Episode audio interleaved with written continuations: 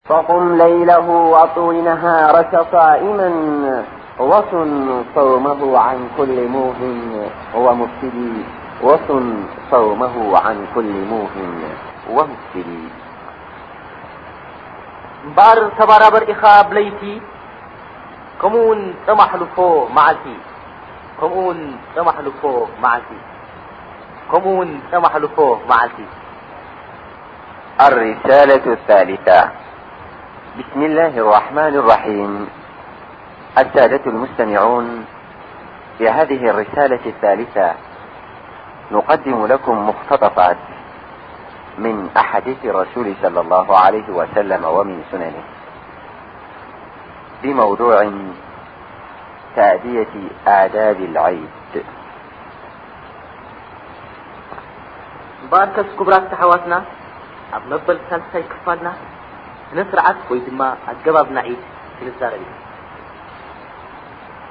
መቸም ከም እንፈልጦ ኩላና ኣገባብ ናዒድ ብዙሕ እዩ እንተኾነ ግን እዚ ሒዝናዮ ቀሪብና ዘለና ብዛዕባ እቲ ኣብ ላዕሊ ዝጠቐስናዮ ኣርእስቲ ክኸውን እንከሎ ዝከኣለና ድማ በቲ ዝረኸብናዮ ቃል ወይ ድማ ሱና ናይ ረሱል ሰለላሁ ዓለይሂ ወሰለም ኣስፋሕ ኣቢልና ክንዛረብ ኢና። ስለዚ ክቡራት ኣሕዋትና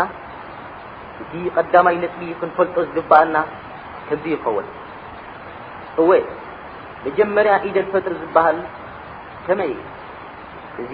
ግልፂ እዩ ንኹሉ ካብ ግዜ ረሱል ጀሚሩ ዝፀንሐ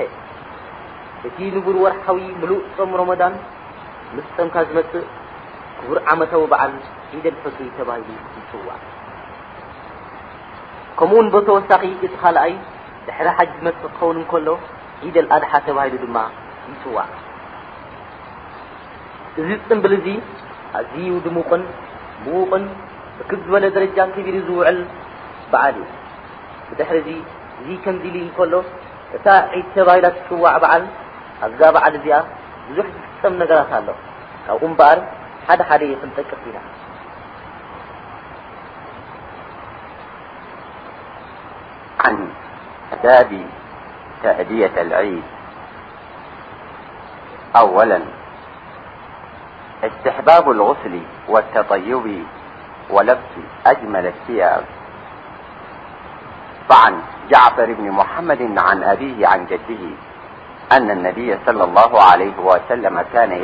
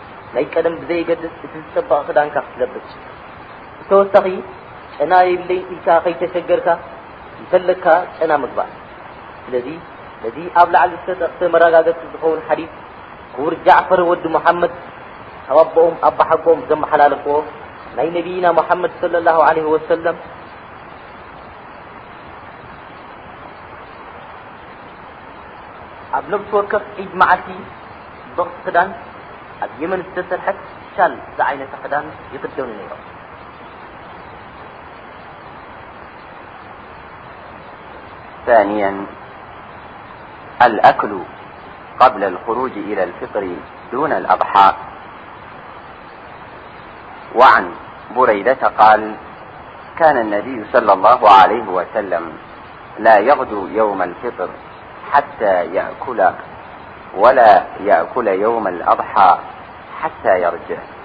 ራዋሁ ትርሚዝይ ወብኒ ማጃ ወኣሕመድ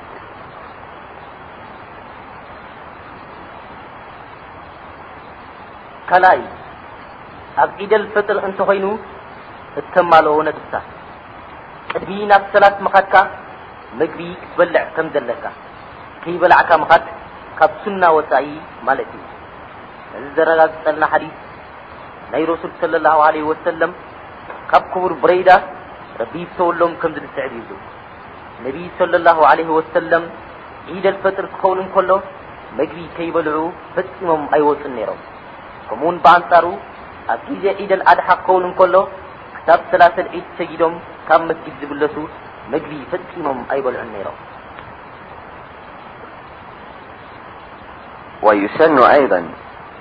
أكل تمرات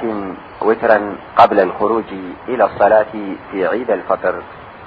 وتأخير ذلك في عيد الأضحى حتى يرجع من المصلى فيأكل من أضحيته إن كان له أضحية قال أنس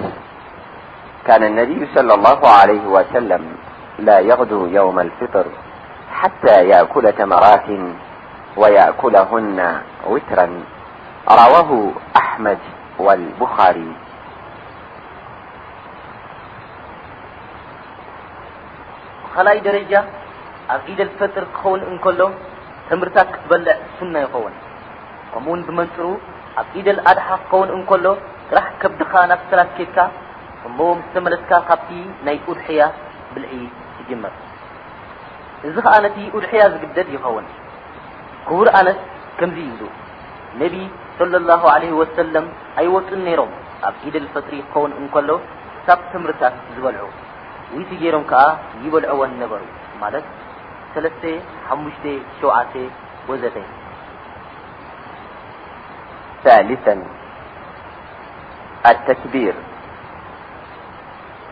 يسن التكبير من ليلتي العيدين ويستمر في الأضحى إلى آخر أيام التشريق وفي الفطر إلى أن يخرج الإيمام عليهم للصلاة ولفظه الله أكبر الله أكبر لا إله إلا الله والله أكبر الله أكبر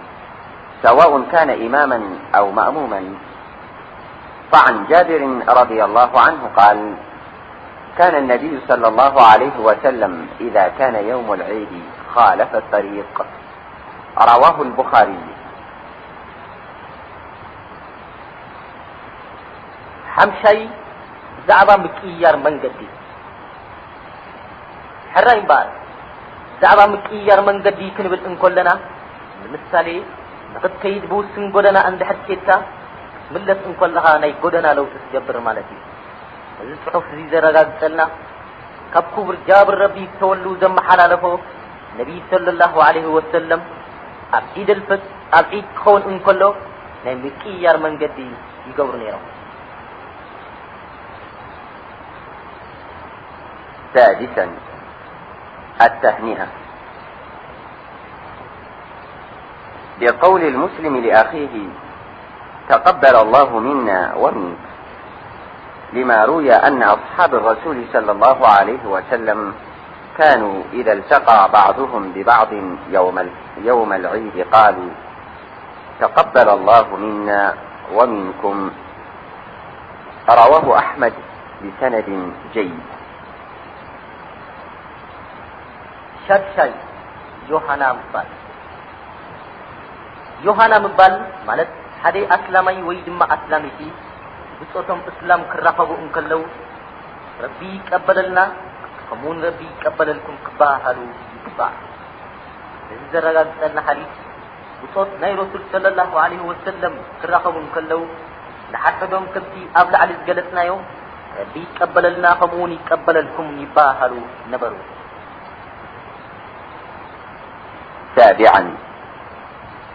اللعب واللهو والغناء والأكل في الأعياد اللعب المباح واللهو البريد والغناء الحسن ذلك من شعائر الدين التي شرعها الله في يوم العيد رياضة للبدن وترويحا عن النفس قال أنس قدم النبي صلى الله عليه وسلم المدينة ولهم يومان يلعبون فيهما فقال قد أبدلكم الله تعالى بهما خيرا منهما يوم الفطر ويوم الأضحاء رواه النسائي وابن حبان بسند صحيح وحديث آخر وعن عائشة أن أبا بكر رضي الله عنه دخل عليها وعندها جاريتان في أيام منى في عيد الأضحى تغنيان وتضربان والنبي صلى الله عليه وسلم متغش بثوبه فانتهرهما أبو بكر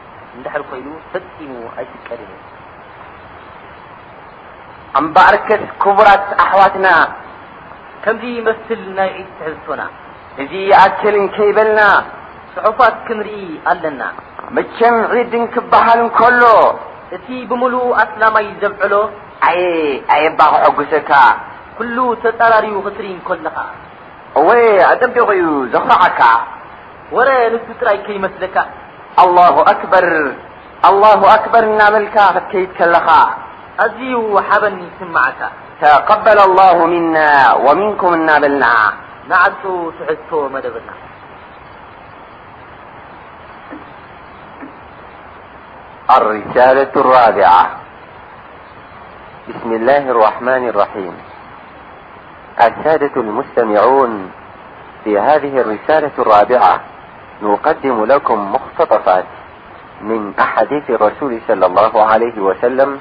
بموضوع عن باب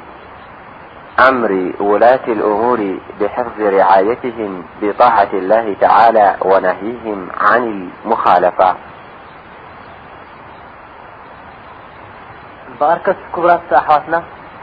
ت بر بع ل نقرب تحن ع لفنت كم ولن ون ل مس تس ع حث رسل سعب بن ر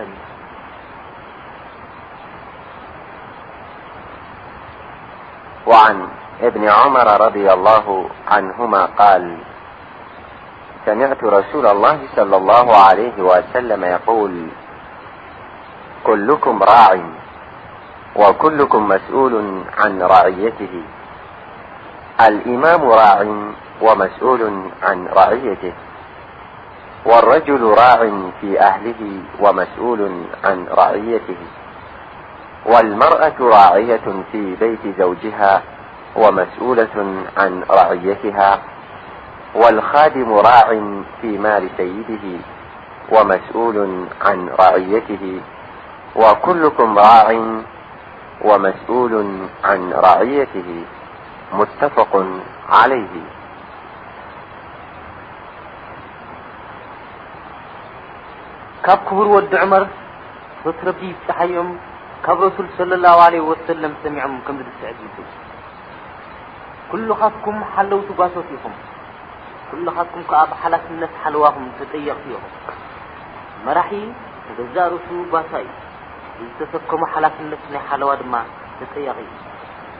ሰብኣይ ኣብ ልዕሊ ስድራቤቱ ሓላዊ ጓሳ እዩ። ብዝገበሮ ሓለዋ እውን ክጥየቕ እዩ። ሰበይቲ ኣብ ገዛ በዓልቲ ቤታ ሓላፊት እያ። ብዝገበረቶ ሓለዋ እውን ተጠያቒት እያ። ሰራሕተኛ ኣብ ዝተረከቦ ንብረት ናይ ጎይትኡ ወይ ከዓ ዋና ኮይኑ ዘስርሖ ዘሎ ሓላዊ እዩ። ብሓላፍነት ሓለውኡ ከዓ ተጠያቒ እዩ። ኩሉኻትኩም ጓሶት ሓለውቲ ኢኹም። ي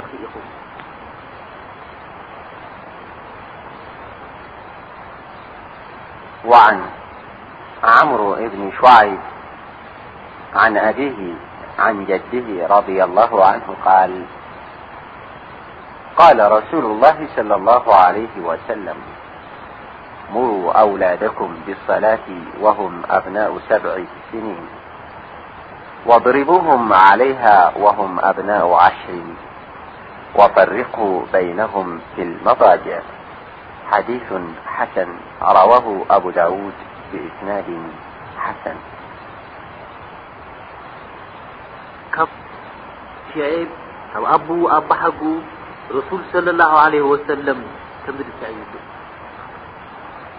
ደቅኹም ደቂ ሸውዓተ ዓመት ምስ በጽሑ ናብ ሰላት ኣዝዝዎም ኢኹም። ከምኡ'ውን ኣብ መበል ዓስራይ ዕድሚኦም እንተዘይ ሰጊዶም ክቕጽዑ እንከለው መደቀሲ ዓራቶም እውን ይፈላለ እዩ። ትኽክለኛ ሰነድ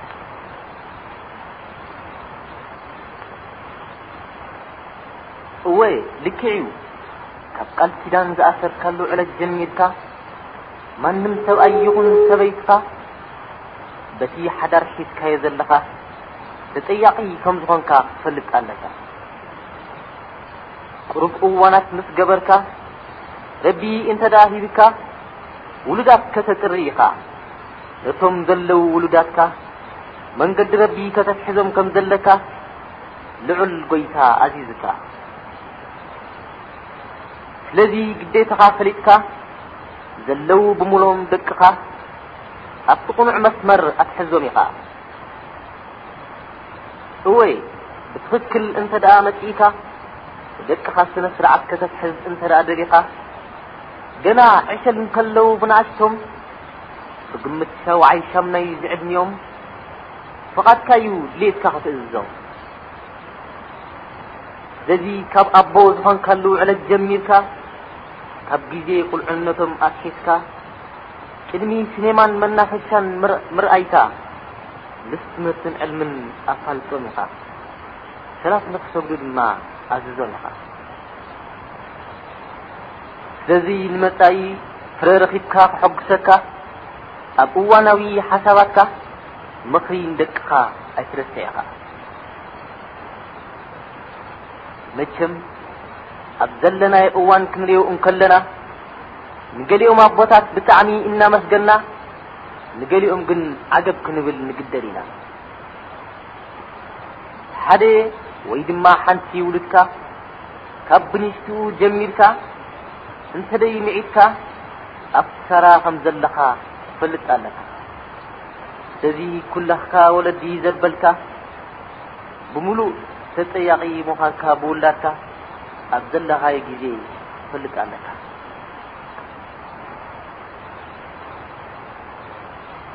وعن أبي يعلى معقد بن يسار رضي الله عنه - قال سمعت رسول الله صلى الله عليه وسلم يقول ما من عبد يسترعيه الله رعية يموت يوم يموت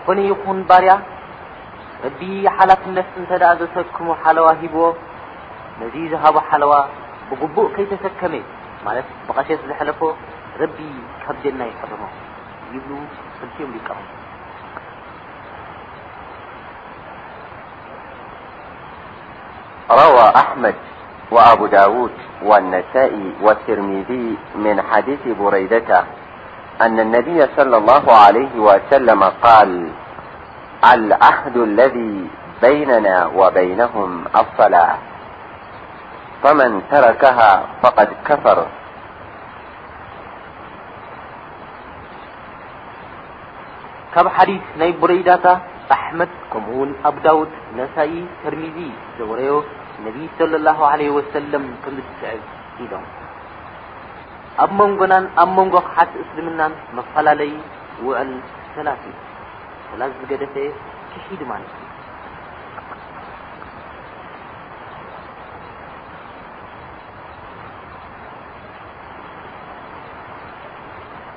وروا أحمد بإسناد جيد من حديث عبدالله بن عمر رضي الله عنه أن النبي-صلى الله عليه وسلم-قال من حافظ عليها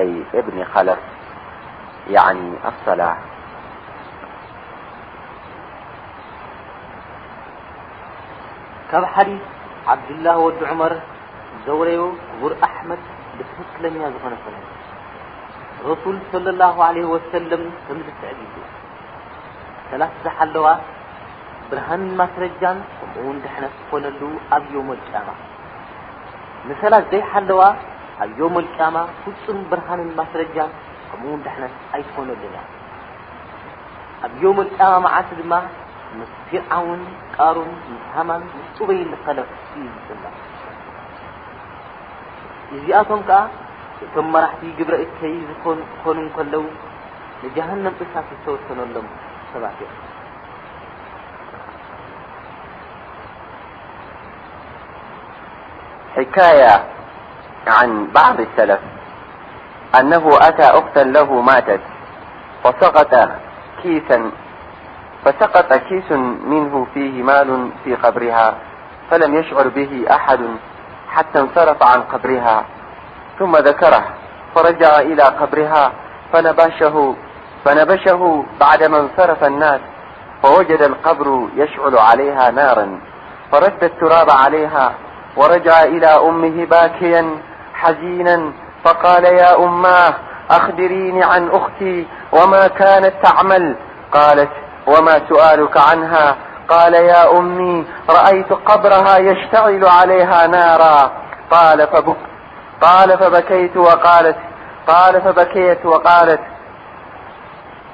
قال فبكيت وقالت يا ولدي كانت أختك تتهاون بالصلاة وتؤخرها عن وقتها فهذا حال من يؤخر الصلاة عن وقتها فكيف حال من لا يصلي فنسأل الله تعالى أن يعيننا على المحافظة عليها في أوقاتها إنه جواد كريم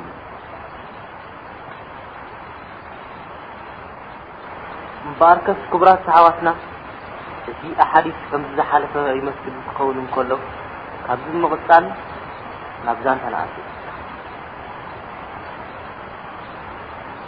ሓደ እዋን ሓደ ሰብ ሓብቱ ሞተቶ እሞ ክትቅበር እንኮላ ከይፈለጠ ገንዘብ ዝሓዘ ሓደ ከም ቀረጢት መሳሊ ኣብ ውሽጢ ቀብሪ ወደቐ ኣብኡ ወዲቑ ድማ ምስ ኣተኸበረ ድሕሪ ነዊሕ ግዜ ዘከሮ'ሞ ናብታ ቀብራ ተመለሰ። ኣብዚ ግዜ'ዚ በይኑ ነበረ። እቲ ቀብሪ ምስ ፈሓሮ ሓዊ ክቃጸል ጸንሖ'ሞ ብቕልጡፍ ነቲ ቀብራ ደፈኖ። ብድሕሪ'ዚ ናብ ኣዲኡ ምስ ተመለሰ ብዝበርትዔ ሓዘንን ብኽያትን ኮይኑ ተመለሰ። ኣብኡ ከሎ ድማ ከምዚ ትስዕብ ሕቶ ኣቕረበለት። ኦው ኣደይ ሓፍተይ እንታይ ትገብር ነይራ እስኪ ንገርኒ በላ እሞ ኣዲኡ ድማ ብምግራም እንታይ ኮንካ ኢኻ ከምዚ ኢልካ ትሓትት ዘለኻ በለቶ ኣደይ ቀብራ ሓዊ ክቃፀር ርእየዮ ብዝበላ ኣዲኡ ድማ ከም ዝስዕብ በለቶ ኣንታ ወደይ ሓብትኻ እኮ ብሰላሰለልትነት ተርኢ ነይራ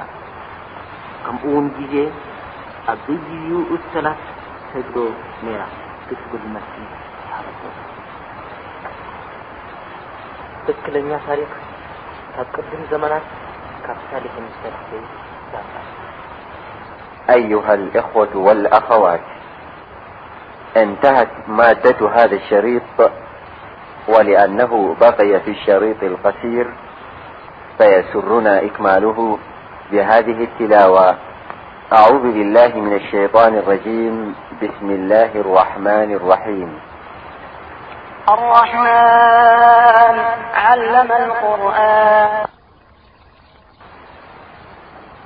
فقم ليله وطوي نهارك صائما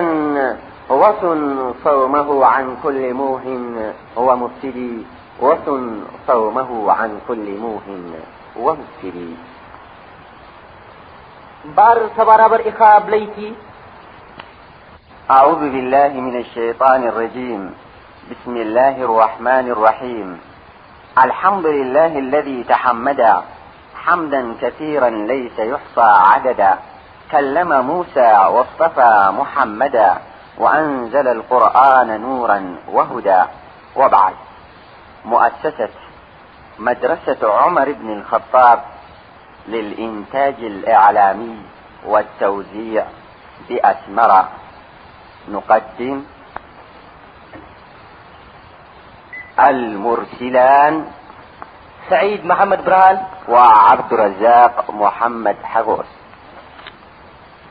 المرسل إليه إلى الشاب والشابة المسلمة في كل زمان ومكان الحمد لله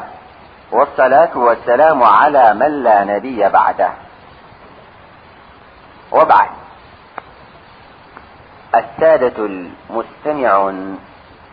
ها نحن اليوم نقدم لكم مختطفات من أحاديث الرسول صلى الله عليه وسلم بما يهم عن موضوع فضائل تلاوة القرآن فهيا بكم إلى حسن الإصغاء والمتابعة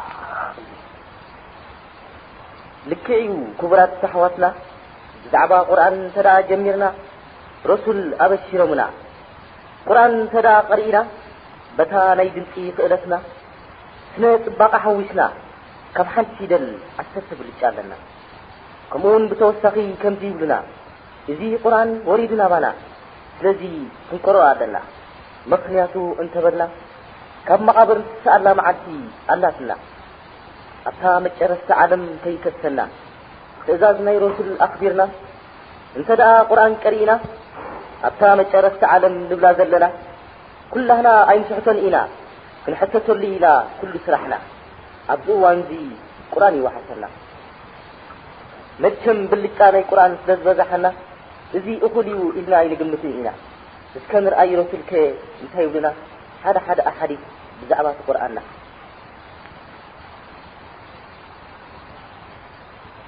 በራ እብ ድ عن البراء بن عزب رضي الله عنهما قال سمعت النبي صلى الله عليه وسلم قرأ في العشاء بالسين والزيتون فما سمعت أحدا أحسن صوتا منه متفق عليه ካብ ክቡር በራእ ኢብኒ ዓዘብ በረክቶት ረቢ ይብጻሓዮም ከምዚ ዝስዕብ ይብሉ ነቢይ ሰለላሁ ዓለይሂ ወሰለም ክቐርኡ ሰሚዐዮም ኣብ ሰላት ኣልዒሻእ ወቲኒ ወዘይቱኒ ይቐርኡ ነይሮም ካብቲ ናቶም ዝጥዕም ድምጺ ብፍጹም ሰሚዐ ኣይፈልጥን ይብሉ ክልቲኦም ምሁራት መራሕቲ ሓዲስ ዝተሰማምዑሉ እቲ ኣብ ዓለም ዝዓበየ ካብ ኩሉ መዋዳድርቲ ዘይብሉ ብዛዕባኡ ክንዛረብ ኢና እሱ ከኣ ግልጺ ንኩላህና ካብ ኩሉ ዝበረጸ ዘረባ ጎይታና መቸም ከም ዝፈልጦም ኩሉ በራ ኢብን ዓዘብ ዝተባህሉ ኣብ ላዕሊ ጠቂሶምልና እዮም ኩሉ ኣነ እኮ ንረሱል ሰሚዐዮም ወቲኒ ወዘይቱኒ ኢሎም ይቀርኡ ነይሮም ኣዝዩ ጥዑም ነበረ እቲ ድምፆም ስለዚ ኣብ ዓለም ዘለና እመት ናይ መሓመድ ኩላህና እዚ ሓዲስ እዚ ኣብነት ይኹነና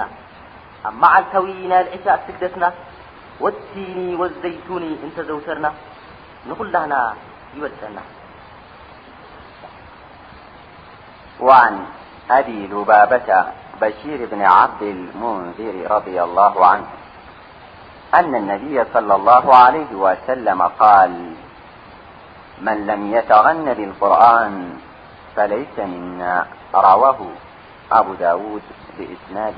ጀይድ ካብ ኣቢ ሉባባታ በሽር እብኒ ዓብደልሙንዚር ዝተባሃሉ ክቡር ሰሓባ ረቢ ዝተወሎም ከምዚ ዝስዕብ ይብሉ ጥዑም ቃና ገይሩ ዘይቀረ ኣይኮነን ካባና ማለት ትኽክለኛ መንገዲ ስሒቱ ኣሎ ይብሉ ነዚ ዘውረዩ ምሁር ኣቡ ዳውድ ትኽክለኛ ሰነድ እወ ልክዕ እዩ በቶም ወናማት እዩ ተወሪኡ እዚ ኣብሊ ባባታ ዝበሉና ረሱል እዮም ኣዚዞምና በታ ክእለት ዘላትና ብቓና ክንቀርእ ኣለና እዚ ኣብ ላዕሊ ጠቒስናዮ ዘለና እንተረድኣ ተረዲኣትና ልክዕ ከምዚኣ ትብለና ቃልና ገይሩ ዘይቀርኤ ኣይኮነን ካባና ማለት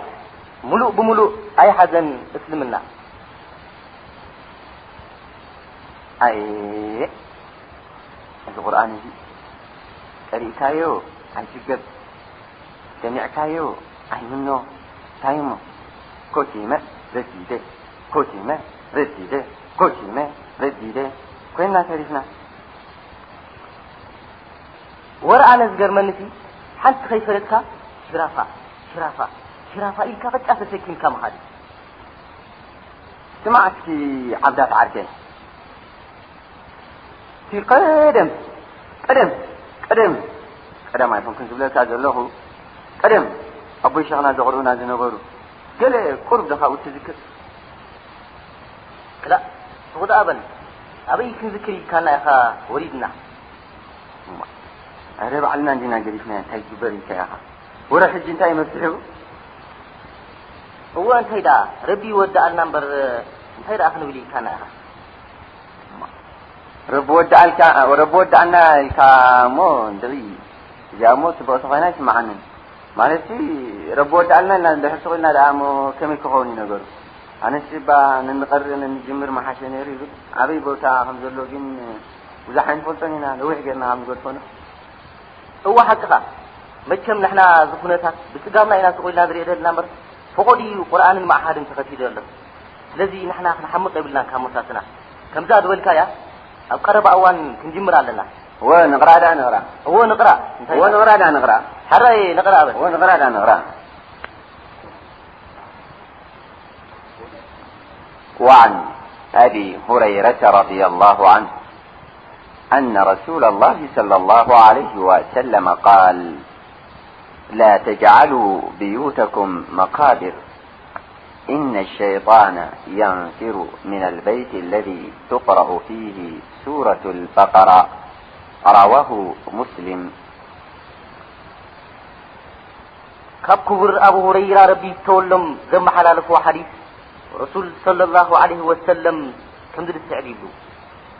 ገዛውትኹም መቓብር ኣይትግበርዎ ሸይጣን እኮ ካብ ሱረቱል በቐራ ዝቅረኣሉ ገዛ ይላቐቕ እዩ ነዚ ሓዲስ እዚ ዘውረዩ ሙስሊም ተባሂሉ ይጽዋዕ እወ ልክዕ እዩ ኣቡ ሁረይራ ነጊሮምና ምሁር ኣቡ ዳውድ ዳውዮምልና ኣብዚ ክንርድኦ ዝግባኣና ንሸይጣን ዕድል ክንህብ ከም ዘይብልና ምኽንያቱ እንተበልና መቓብር ከይከውን ገዛውትና ሰይጣን ንኸይኣቱ መከላኸሊና ምንም ማስቤዛ ዘየድልየና ብዓባያ ሱረት በቐራ ኣላትና ወላ ንእሽተይ እንተቐረኣናላ ነቲ ዝቐረኣናዮ ብትኽክል ጌርና ኣብ ተግባር ከነውዕሎ ረቢ ይሓግዘና ካብ ዘይቅርኦ ገዛሲ መቃብር እዋ መቃብር እወ መቃብር እወ መቃብር መቃብር ኣንታ መቃብር ተወልድካ ድማ ከምዚ ናይ ሸቃል ኣሚን መቃብር እዩ ዝብለካ ዘለኹ ካልእ ከይመስለካ ታወ ፈሊጠ ኣለኹ ኣይ እዩ ዝግብሩ ስማ ሓቲ ሳልሒ ዓርከይ ገዛኹም ዶ ኣይቅርኦን እዩ ኣንታ ኣቦና እዩ ዝቐሪ ነይሩ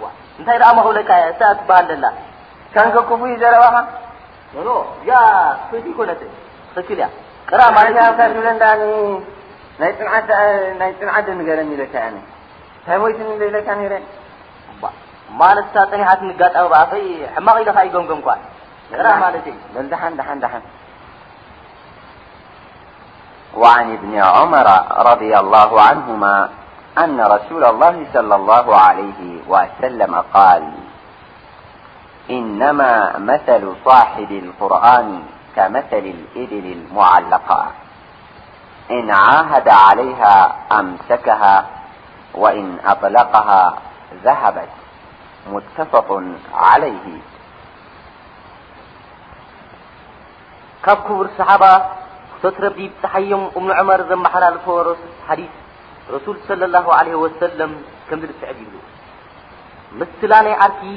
ቁርን እዩ ማለት ኩሉ ግዜ ዝቐርእ ልክዕ ከም እሰርቲ ገመል እዩ ኩሉ ግዜ እንተ ተኸታቲልዎ ኣብ ትሕቲ ቁፅፅሩ ትኸውን እንተ ፈትሕዎ ግን ትኸይድ ይብሉ ክልቲኦም ምሁራ ኢብኑ ዑመር ረቢ ይፍተወሎም ረሱል ከምዚ ኢሎም ልኪዑ ምስላ ናይ ዓርክኻ ቁርን እዩ ዝኾነካ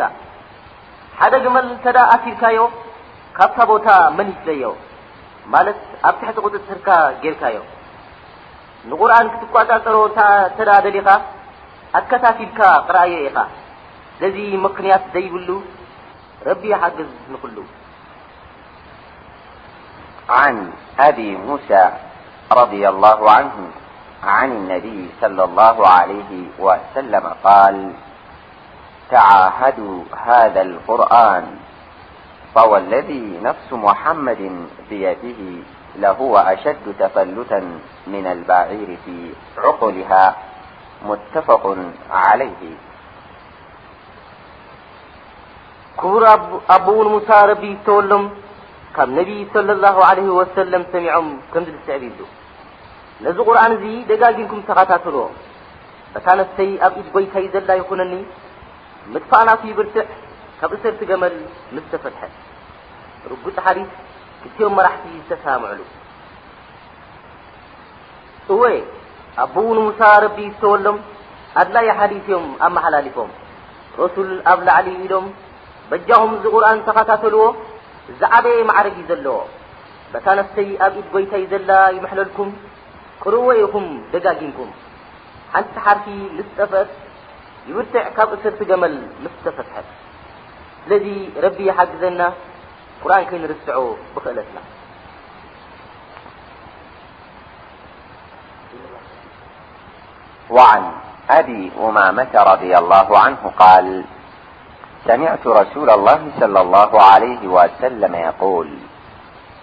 እቅረኡ ልቁርን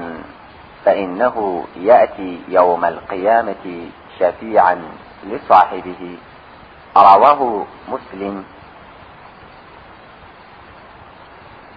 ካብ ኣብይ ኡማማታ ረቢ ይፍተወሎም ከምዚ ዝስዕብ ይብሉ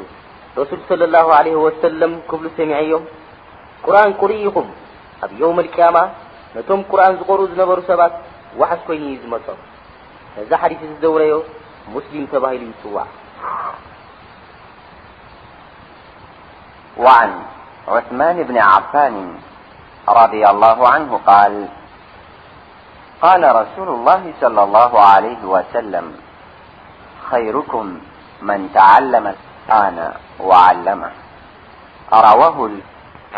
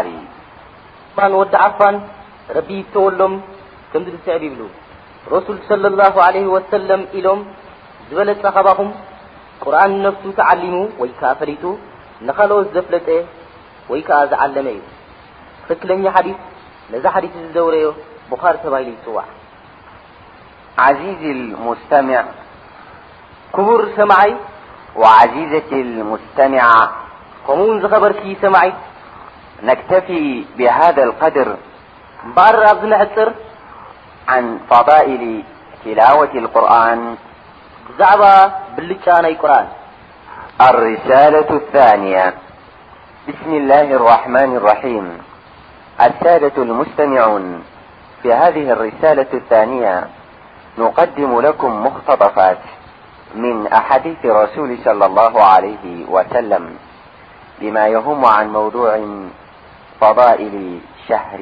رمضان كبرت سمعتنا مبل كلأي كفلنا حد حد حاديث ي نبنا بزعب بلت رمضان نقللكم ن عن أبي هريرة أن النبي-صلى الله عليه وسلم قال لما حذر رمضان قد جاءكم شهر مبارك افترض الله عليكم صيامة تفتح فيه أبواب الجنة وتغلق فيه أبواب الجحيم وتغل فيه الشياطين فيه ليلة خير من ألف شهر من حرم خيرها فقد حرم رواه أحمد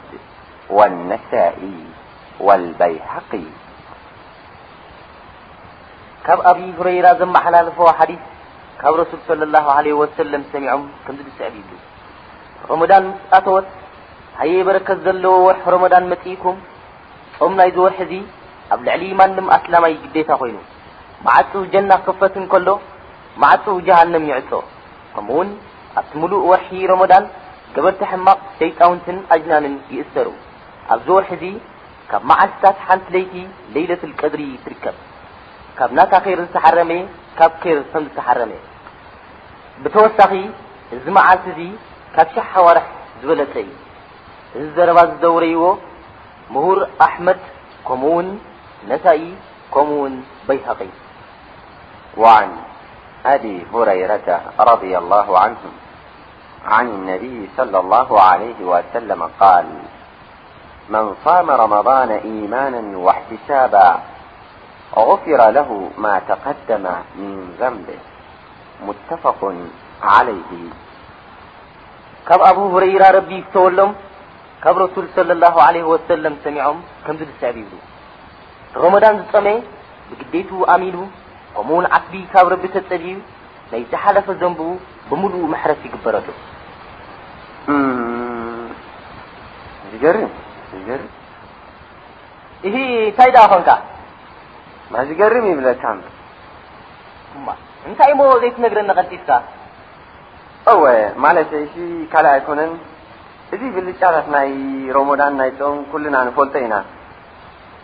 መሻይኽ ወይም ብዙሕ ዕሉም እዮም ግን ኣለዉ ገሊኣቶም ሮሞዳን ምስ ዝኣቱ ር ር ር ይብሉ ጣርጣር ይብሉ እወ ጣርጣር ይብሉ እሞ እዚኣ ደኣ ምስፆም ዘይትኸይድ ኣይኮነን ባዕልኻ ጣርጣር ክትብል ካልእ ሰብ ከማን እንተፀረፈካ ወይ እንተተቓረሰካ ኣነ ፀወማ እየ ክትብሎ እዩ ዝፍል ዘለካ ስለዚ እዞም ከም ዝገብሩ ሰባት ኣጅሮም ትጎድል እዩ ማለት እዩ ግን ምናልባት ዘይፍልጠት ከይከውን ከምዚ ኢልካዮ እወ ኦረ ካብዚ ዝገዱ ኣለዉ ካብዚ ዝገድድ ኣሎ ካብዚ ዝገድድ ኣሎ እወ ካልእ ኣሎ ከመይ እስከ ንገረና ትሳለለ እብሉኻ ገሊኣቶም ንሕና ጠሚና ጠሚእና ስኒ ካባና ዝረኽቦ ረብስ እንታይ እዩ እንታይ እዩ እናበሉ ዘጨንቑልካ ሰባት እውን ኣለዉ እዚ ክገብሩ ከለዉ ከዓ ይፀሙ እዚስ እንታይ ይበሃል ናይዚኦም ሰባት እዚኦም እንደይ ተቐባልነት ኣለዎ ኢለ ኣይኣምንነ ግን ምናልባት ህዝብና ከም ዝትፈልጦ እንዲ ምናልባት ብዘይፍላጥ ዝገብሮ ከይከውን ተቐባልነት የልብሉን እዎ እንታይ ዳኣ ብዘይፍላጥ ብዘይፍላጥ ትብሎ ዘለካ ድማ ከይፍለጥካ ምጣም ድኣሞ ከመይ እዩ ከመይ ከም ምዃኑ ቅድም እቲ ናይቶም ካበይ መፅኡ መን ገዲድዎ ክፍለጥ ኣለዎ እወ መቸም ኣብዚ እዋንዚ ህዝብና ኣዝዩ ድሑር እዩ። ብስም ኣቦይ ዘጽንሓለይ ኢሉ ይጸው እምበር ግዴታየ ይጸውም ኢሉ ዝኣምን ካብ ሚእቲ ቁሩብ እዩ። እዋ እሞ ከምዚኣ ተኾይና ደኣ ከምቲ ዓንተዊ ዝበልካ እንተኾይና እሞ ከሳራ እያ ዘላ ማለት እዩ።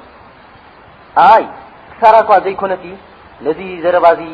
ዝጥቕልል ረሱል ከምዚ እዮም ዝብሉ ብፈርዲ ሮመዳን ኣሚኑ ከምኡውን ኣጅሪ ማለት ዓስቢ ካብ ረቢ ተጸብዩ ንዝጸመዩ ዘንቡ ዝሕጸበሉ ዝብሉ ስለዚ እዚ ካብ ረቢ ተጸቢኻ እንድሕር ጺምካ ዘንባኻ ከም ዝሕጸበልካ ምፍላጥ የድሊ እሞ እቲ ምእማንን ዘይምእማንን እኳ እዩ ዘሎ ዘረባ ማለት ሲ ገሊኣቶምሲ ዳርጋ ይኣምንሉን እዮም እዞም ሰባት እዚኣቶምሲ ከመይ ይኹኑ ናይዞም ሰባት እዚኦም ጾሞ ተቐባልነት ኣለዉ ኢለ ኣይኣምንን እየ እሞ ሳይ ዝበልካ ክሳራ እያ ማለት እዩ እዚኣ እወ እንታይ ደኣ ክሳራ እያ ከምዛ ትብላ ዘለኻ እዋ እሞ ክዕለሙ ኣለዎም ነግሮም ድማ እዎ ንገሮማ ፀጊቕካ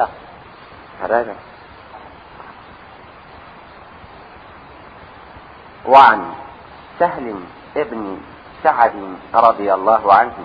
عن النبي -صلى الله عليه وسلم-قال إن في الجنة بابا يقال له الريان يدخل منه الصائمون يوم القيامة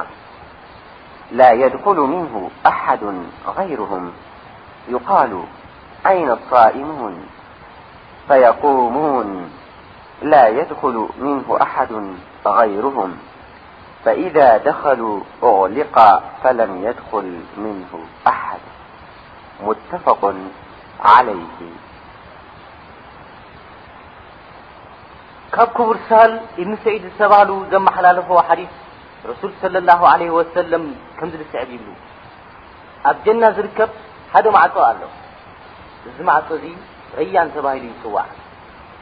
ኣብ መጨረስቲ ዓለም ወይ ከኣ ኣብ ዮመል ቅያማ ክኸውን እንከሎ ጸወምቲ ይኣትዎ ጀኮኦም ንማንም ሰብ ክኣቱ ኣይፍቀዶን እዩ ከምዚ ውስዕብ እውን ይበሃል ኣበይ ኣለዉ እቶም ጸወምቲ ተባሂሎም ይጽውዑ ተሲኦም ይኣትዉ ጀኮኦም ዝኣቱ የለን ኩሎም ምስ ኣተዉ ድማ ኣቲ ማዕጾ ይዕጸው። ብድሕሪኡ ናብቲ ረያን ዝትበሃል ወላ ሓደ ዝኣቱ የለን። እዚ ሓዲስ ዝሰማምዕሉ ክልቲኦም መራሕቲ ናይ ሓዲስ ምሁራት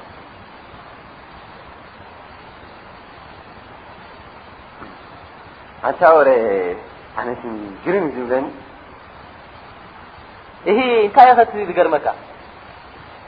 ኣንታ ኣለዉ ሃገሊኣቶም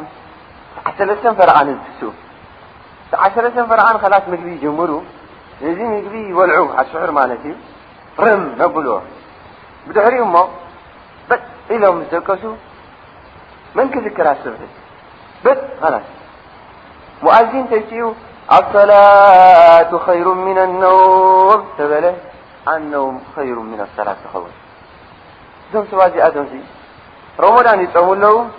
ኣስብሒ ከኣ ይሕምሽሹ ኣለዉ እዚ ከመይ ኮይኑ ይስምዓካ እባ ናይዚኦም ሞ ግደፎ ዘረባ ይብሉን በቲ ነድቁ በቲ የፍርሱ ማለት እዩ ንምንታይ ረሱል ስለ ላሁ ዓለ ወሰለም ከምዚ እንድም ዝብሉ ሰላት እንዳተፈለጠቶ ብዘይ ሓደ ሽግር ዘሕለፋ ካብ ዕቁባ መሓመድ ደቑቕ እዩ ስለዚ እናጠንካ ሰላት ትሕምትሽ እንትኾንካ ብጣዕሚ ሓደገኛ እዩሞ ምጥንቃቕ የድሊ እዩ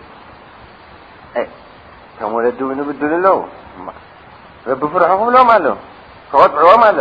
ስኡ ኢሎም ድሕር ድርዎም ኮይኖም ናንታ ደኣኒ ኣብዚ እውን ብከቢድ ሓላፍነት ወላዲ ተጠያቂ እዩ እወ ከምዚ ዝበልካዮ ናይ ወለዲ ጉዳይ ኣሎ ከምኡ እውን ብተወሳኺ ሓደ መንእሰይ እንድሕር ኮይኑ ንወለዱ ክሰምዖም ዘይክእለሉ ሰዓታት ኣሎ ስለዚ ምስ ዘለዎ ኣተሓሳስባ ሕልንኡ ወቂስዎ ድማ ባዕሉ ክሰግድ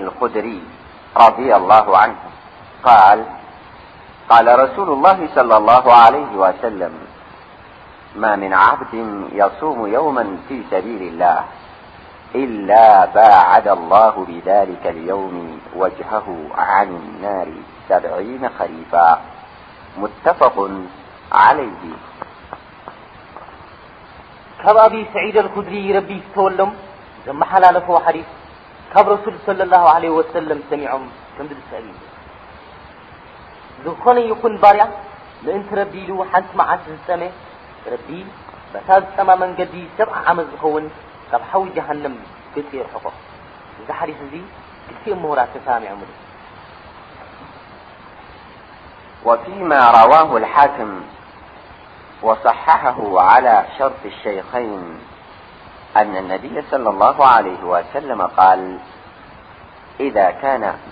سفدت الشياطين ومردت الجان وغلقت أبواب النار فلم يفتح منها باب وفتحت أبواب الجنة فلم يغلق منها باب ونادى مناد يا باغي الخير أقبل ويا باغي الشر أقسر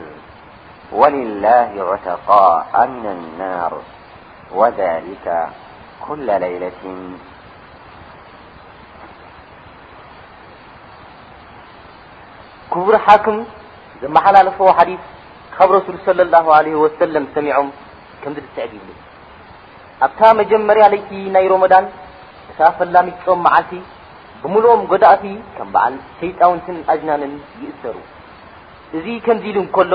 መዓጹ ጀና ክኽፈት እንከሎ፣ ብኣንጻሩ ድማ መዓጹ ናይ ጀሃነም ይዕጸዉ። ስለዚ ጸዋዓይ ይጽውዕ፣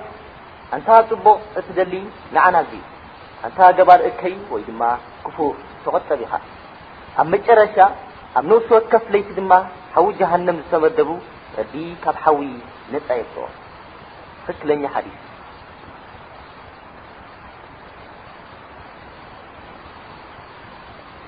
وخذ في بيان الصوم غير مقسر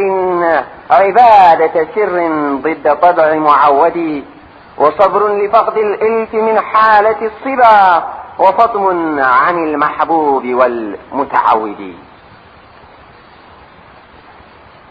حزيا نم أدلديلك لترو عبادي ب بيت قلع زرحقك سنعت جبر تلكل كب أملك كل قحتو سمعتو فثق فيه بالوعد الكريم من الذي له الصوم يجزي غير مخلف موعدي وحافظ على شهر الصيام فإنه لخامس أركان الدين محمدي